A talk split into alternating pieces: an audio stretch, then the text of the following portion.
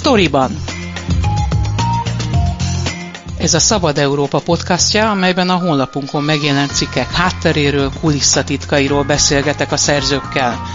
Mivel kollégákról van szó, kérem nézzék el nekem, hogy tegeződni fogunk. Én Fazekas Pálma vagyok, tartsanak velem és munkatársaimmal.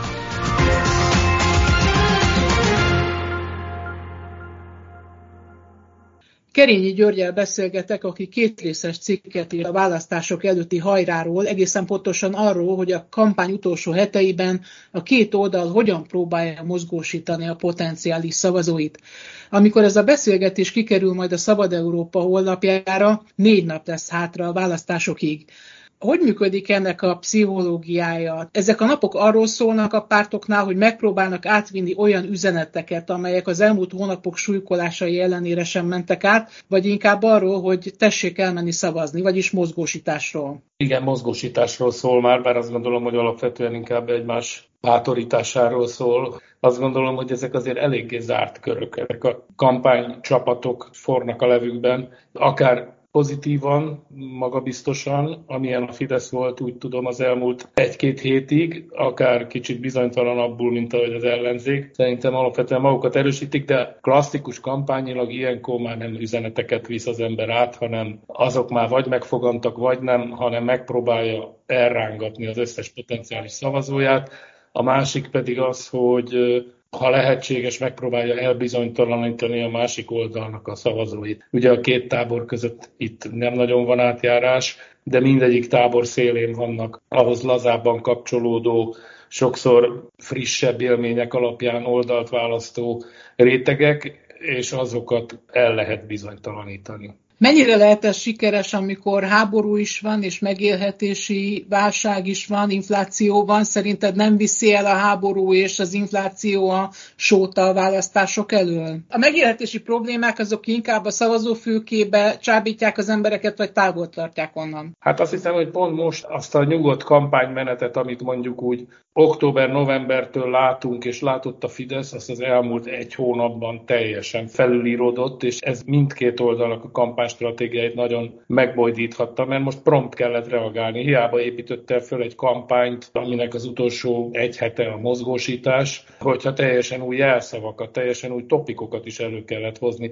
A gazdasági válság az idén kezdett el erősödni, az emberek egyszer csak elkezdték érezni nagyon-nagyon az inflációt, és aztán a kormánynak ezek az árstoppos, csirkefarhátos, benzines intézkedései, azok ellátási, főleg a benzin ugye az ellátási gondokat is okozott, tehát a mindennapokban leszivárgott ennek a válságnak a tapasztalata, és hát az utolsó felmérés, ami ezt nézte, az AVC vált publikussá, az azt is mutatta, hogy még a fideszes szavazóknak a 20%-a is erősödő válságot érez, és ez egy nagy lehetőség az ellenzéknek. Mert alapvetően kampányokos szerint, vagy nem is tudom, politikai kommunikátor, politikai elemző szerint az emberek alapvetően gazdaságilag szavaznak.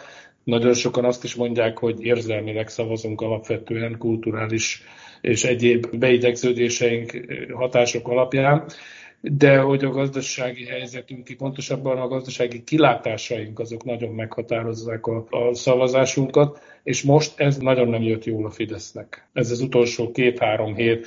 A háború sem, annak dacára, hogy bravúrosan váltott az Orbán a békegalamb szerepre a, a hadvezériből, de főleg a válság. A közvéleménykutatások azok hiba határon belüli különbségeket mérnek, már amennyire lehet erre alapozni, de vajon ezt a félelmet, ezt a gazdasági bizonytalanságtól való félelmet nem tudta egy kicsit az a Fidesz narratíva felülírni, hogy, hogy békére és biztonságra törekszünk, ahogy mondott, bravúrosan váltott ugye a korábbi harcolunk Brüsszellel, a járványjal és mindenki mással is erre a békepárti narratívára. Tehát mi fontosabb az embereknek a háborútól való félelem, vagy az, hogy legyen miből vásárolni az üzletekben? Hát nem tudom, hogy ez bárki is meg tudná válaszolni neked, hogy mi a fontosabb. Az biztos, hogy a Fidesz látványosan elengedte, ha emlékszel, két hónappal ezelőtt még az összes hirdetése arról szólt, hogy mennyire levittük a munkanélküliséget, hogy mekkora gazdasági növekedés van, hogy a reálbér növekedés milyen nagy, és valóban nagy, köszönhetően ennek a választás előtti példanélküli osztogatásnak is, de ezeket a témákat mind elengedte. Most már semmiért nem látsz, Részben azért, mert nagyon sebezhető is akkor, amikor 10% közelébe jár az infláció, akkor nem a legjobb ezzel érvelni, hogy lámlám mennyi a béred, vagy mennyi a nyugdíjat, mert erre rögtön az a válasz, na de hát abból mindjárt elvisz egy csomót az infláció. Nem tudom megmondani, hogy melyik erősebb, hogy, hogy melyik hatja meg. Az biztos, hogy a, mind a kettő az elemi biztonságérzet vágyát piszkálja a szavazónak. És ennyiben mind a kettő releváns a szavazás szempontjából. Hogy most melyik lesz erősebb, azt nem tudom megmondani. Hogyan tudták közel kerülni az információhoz? Ugye eddig se volt probléma az összefogás pártjaival, le tudtunk ülni velük, interjúkat csinálni, tulajdonképpen az elmúlt hónapok szinte év, a te elmúlt éved is végig arról szólt, hogy a programjukat megpróbáltuk bemutatni, portrékat tudtunk csinálni, miközben a Fidesz nulla kommunikációra volt hajlandó. Itt most, ahogy ezeket a cikkeket írtad, mi volt a tapasztalatod?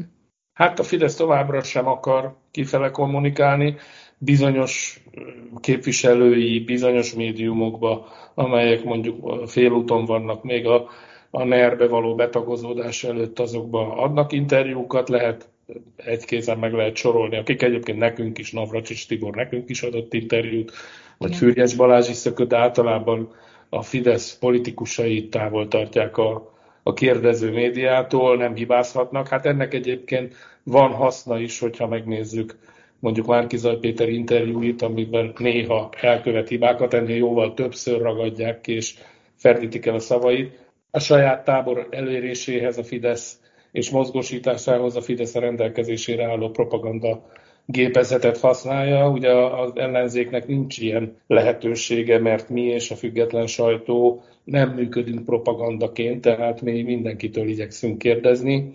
Ennyiben nekik nehezebb dolguk van, az üzeneteik nem mennek át cson nélkül. Ez elég jól látszott mondjuk tavalyi év végén, amikor így eltűnt az ellenzék, és akkor mindenki azt a sajtó is azt firtatta, hogy hogyan üzengetnek egymásnak a Márkizaj, meg a Jakab, meg a Gyurcsány, hol vannak repedések a koalíció falán, na hát egy újságírói megközelítés a Fidesz esetében elképzelhetetlen ott nagyon-nagyon ritkán, az mindig marha hírértékű, hogyha valamelyik Fidesz-tól forgató óvatos kritikát fogalmaz meg.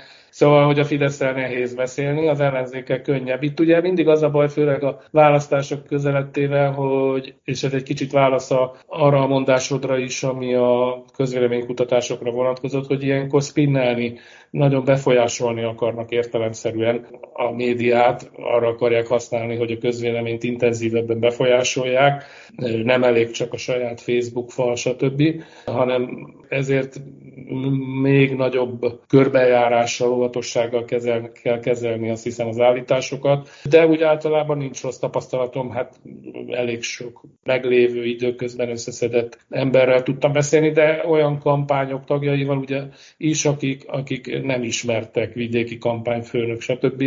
Mert most tudatosan az volt a célom, hogy alulról mutassam meg, tehát kampány dolgozói, vezetői szempontjából nézzem meg a, a, az elmúlt hónapoknak a kampánytechnikáit és kommunikációját. És, és szóba álltak velem.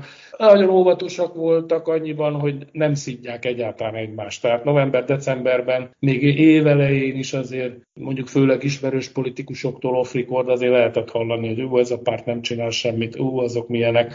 Most nagyon egységesen nem panaszkodtak egymásra, háttérbeszélgetéseken sem, tehát nem adtak alapanyagot ahhoz, hogy az ember a, az ellenzéken belüli törésvonalakról vagy gyengeségekről írjon. Több cikkben is foglalkoztál az év során a kisfalvakban élő kiszolgáltatott helyzetével, és ugye most is előkerül ez a kampány hajrában, hogy a Fidesznek a falvakban nem aktivistái vannak, hanem polgármesterei, nincs szükség igazán nagy kampányra, ott annyira kilátástalan az emberek helyzete, vagy a polgármester van fogva, vagy a polgármester által az ott élők. De ami érdekes volt, az az, hogy beszéltél a fővárosban is olyan aktivistával, momentumossal, ha jól emlékszem, akinek az egyik meghatározó élménye az volt, hogy noha mindenki a támogatásáról, vagy sokan a támogatásukról biztosították, senki nem akart aláírni, mert valakiük, valakiük, valaki a közférában dolgozott, és félt attól, hogy elveszíti az állását.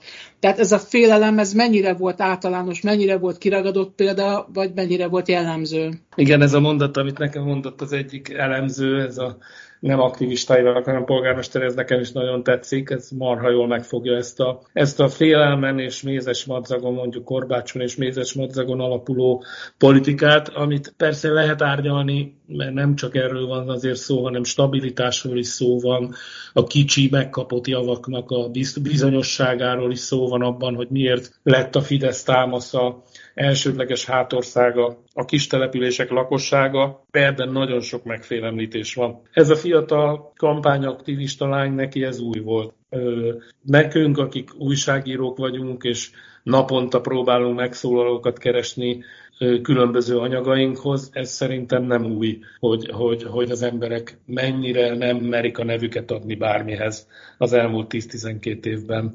Az, hogy féltik az állásukat. Most is volt például, nagyon szerettem volna egy külön sztoriba megírni, az egyik vidéki kampányfőnök mondta, hogy kormányhivatalban rendeltek be kormányhivatali munkatársokat a Fidesz irodára callcenterezni, hívogatni a választókat. Aztán amikor ők ezt szóvá tették valamilyen posztban, akkor utána inkább gyorsan elküldtek pár embert szabadságra, és akkor azok már szabadságuk idején kampányoltak a Fidesznek ugye a semleges államnak a munkatársai, de nem tudtam egyszerűen megerősítetni, nem találtam, nem akart velem szóba állni az a kormányhivatali ember, aki ezt a hírt elvitte az ellenzéknek. Nagyon félti tényleg mindenki az állását, aki valamilyen módon kapcsolatban van a közfélával. És ehhez még tegyük hozzá azt a vállalkozói kört, ami nem is az első vagy másodvonal, a, a Tiborc Garancs és a többi vonal, hanem azoknak a beszállítói a kisebb piacon, a helyben, a a helyi Fidesz egyéni választókerületi képviselőjelöltjétől függő kisbeszállítók, akik szintén nem mernek nyilatkozni, és a munkatársaik sem. Nem ló ki ebből a sorból az a falusi polgármester sem, aki azt mondja az ő népének, akik egyébként talán maguktól is tudják. A Fidesz tökéletesen látja, hogy mely településen hogyan szavazott a nép. Amennyiben nem úgy szavaztok, akkor nem lesz több fejlesztési pénz. Nincs ebben fenyegetés, ez nem ugyanaz, mint hogy hogy elveszted az állásodat, de ugyanaz a logika működteti ezt a, a fél országot gyakorlatilag. Nagyon nehéz ebből kilépni. Látjuk ezt a médiában is, hát mekkora hajnározás veszi körbe azokat a média munkásokat, akik időnként négy-öt évente egy-egy leválik a, a MTVA sajtóról, és egy kicsit kiteregeti, hogy hogyan is működött benne a rendszer. Ez ugyanez működik az egész országban. Valóban már csak néhány nap van hátra, és mindenféleképpen kormányváltás lesz. Ha, ha Fidesz nyer, akkor egy új Orbán kormány fog felállni. Eddig a korábbi választásoknál azt tapasztaltuk, hogy eh, az alacsony választási részvétel a Fidesznek kedvezett. Hogy látod most, meg tudják mozdítani a választókat a, az ellenzéki összefogás pártjai? Milyen lesz a részvétel szerinted? Hát ezt sem merném én megjósolni, nem vagyok szakértő, leszoktam írni azt, amit a szakértők mondanak az biztos, hogy 2018-ban is ez egy nagy csalódás volt. Ez a várakozás nem igazolódott be. Emlékszel délelőtt milyen magas volt, volt a részvétel, igen. viszonyítva. Aztán estére kiderült, hogy valójában a Fidesz mozgósította nagyon a, a saját embereit, tehát az ellenzék is többet szerzett, de a Fidesz még jobban tudta. De amikor múlt héten voltam egy kampányvezetői, ellenzéki kampányvezetői háttérbeszélgetésen, ott azt mondta Zaránt Péter, amit szerintem azért most is sok elemző val, ha 70% fölött van a részvétel, az, az jó az ellenzéknek. Nagyon konfúz a helyzet. Tehát szerintem most egy olyan szokatlan helyzet van, ami nem volt 14-ben, 18-ban se, hogy hetente, naponta fordulnak meg érzelmek, gondolatok, történnek olyan súlyú események, amelyek máskor egy ciklusban egyszer. Szóval szerintem ez most még a szokásosnál is megjósolhatatlanabb választás lesz. Azt érzékelem egy kicsit, mintha fordult volna a szép lassan lefelé menő ellenzéki támogatottság, mintha az elmúlt egy-két hétben a válság fölerősödésével erősödött volna, de, de hát mondom, bármi lehet.